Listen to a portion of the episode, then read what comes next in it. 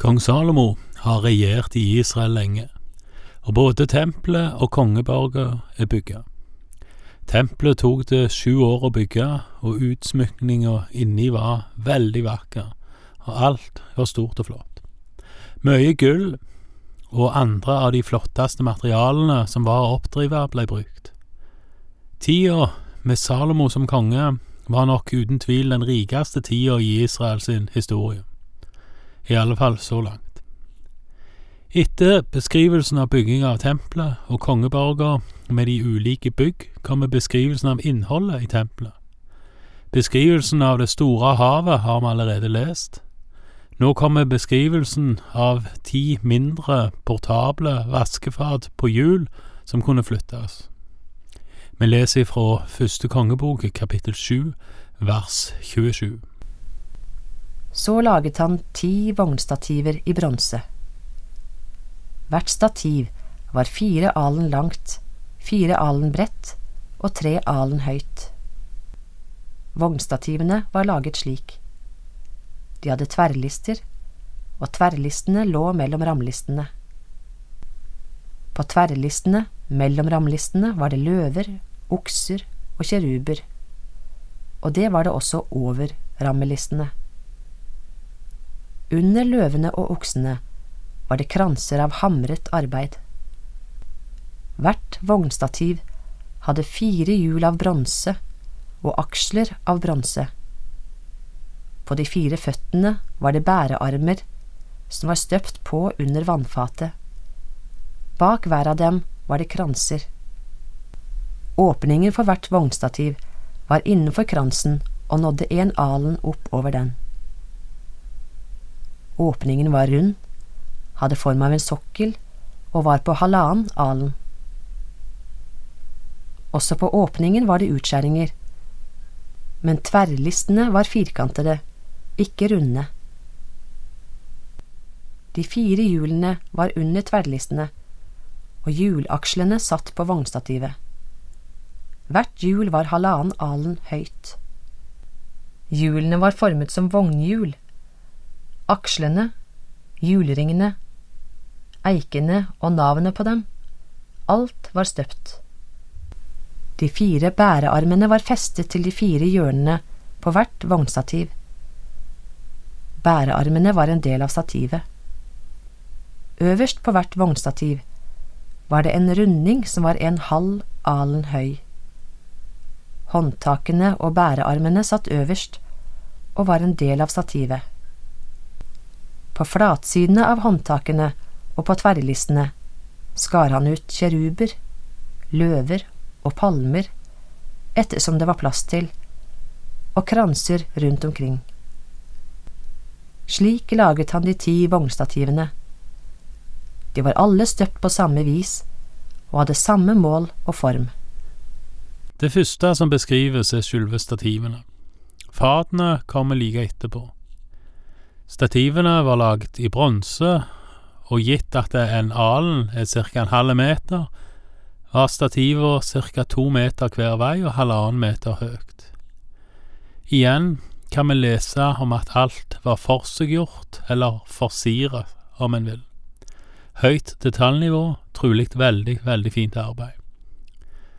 Det hadde vært spennende å se disse i virkeligheten. Vi leser videre fra vers 38 om selve fata, vannfata som skal stå oppi vognstativene som nettopp har blitt beskrevet. Så laget han ti bronsefat.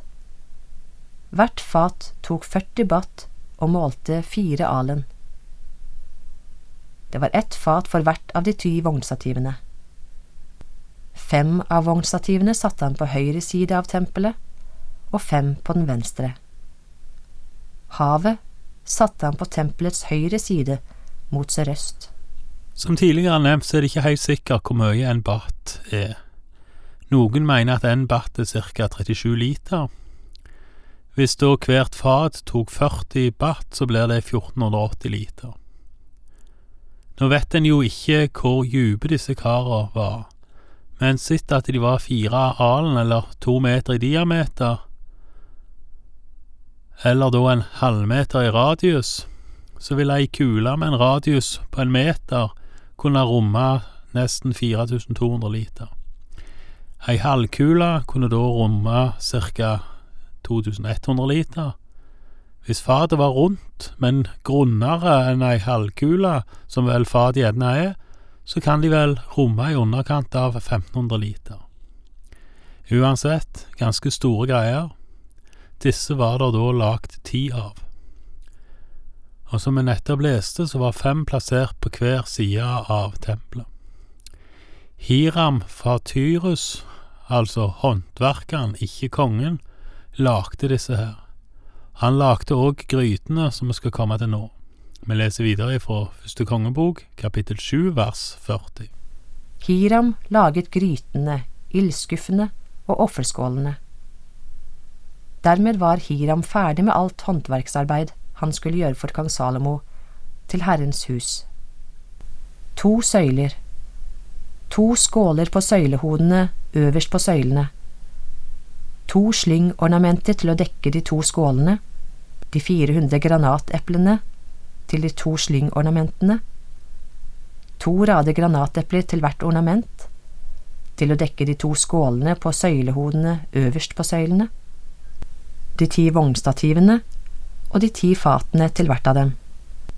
Havet, det var bare ett, og de tolv oksene under det, grytene, ildskuffene og offerskålene.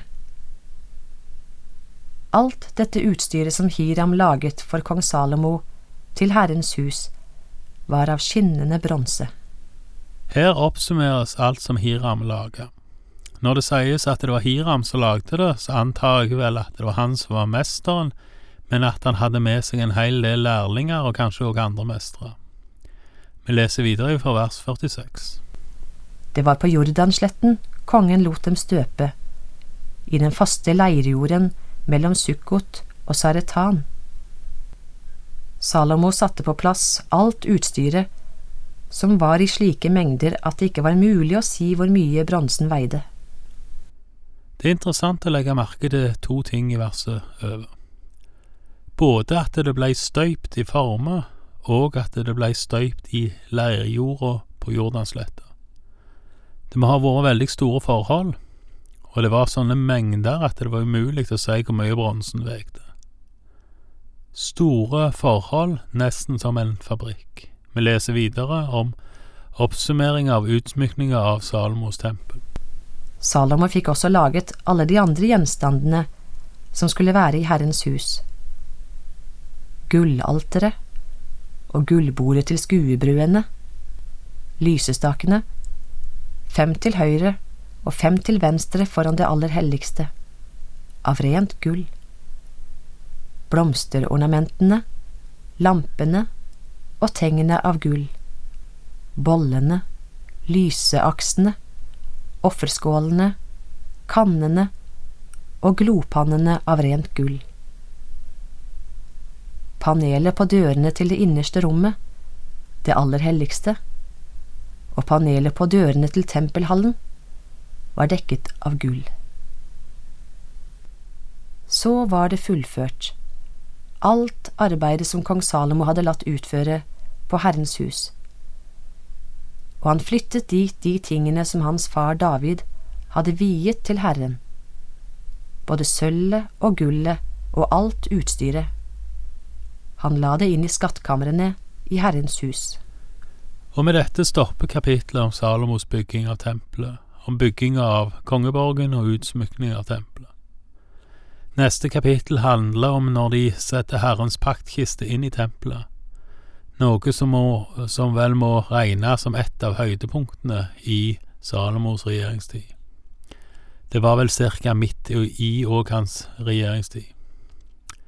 Mer om det seinere, men det er en vanvittig rikdom som nå er lagt inn i Herrens hus.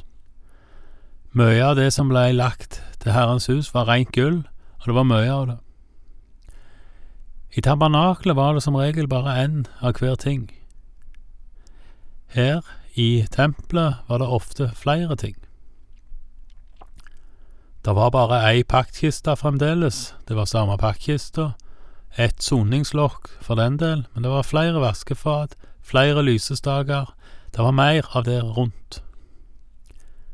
Kanskje et noe haltende bilde, men det er en fare med å fylle på for mye med det som er rundt.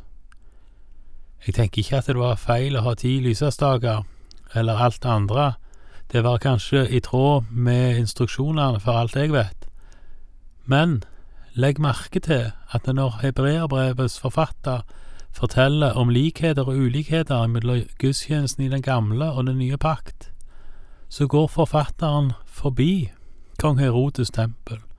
Han går forbi Salomos tempel, som vi nå har hørt om, og går tilbake igjen helt til møteteltet, til tabernaklet og til det enkle.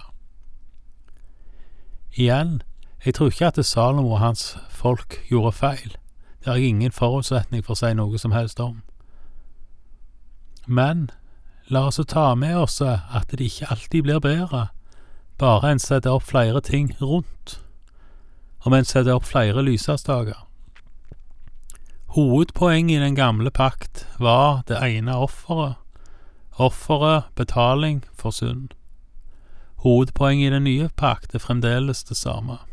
Offeret, Jesus, verdens lam, betaling for vår synd, en gang for alle. Da hjelper det ikke å sette flere lysersdager. Hovedpoenget er denne ene handling. Takk for i dag, og Herren være med deg.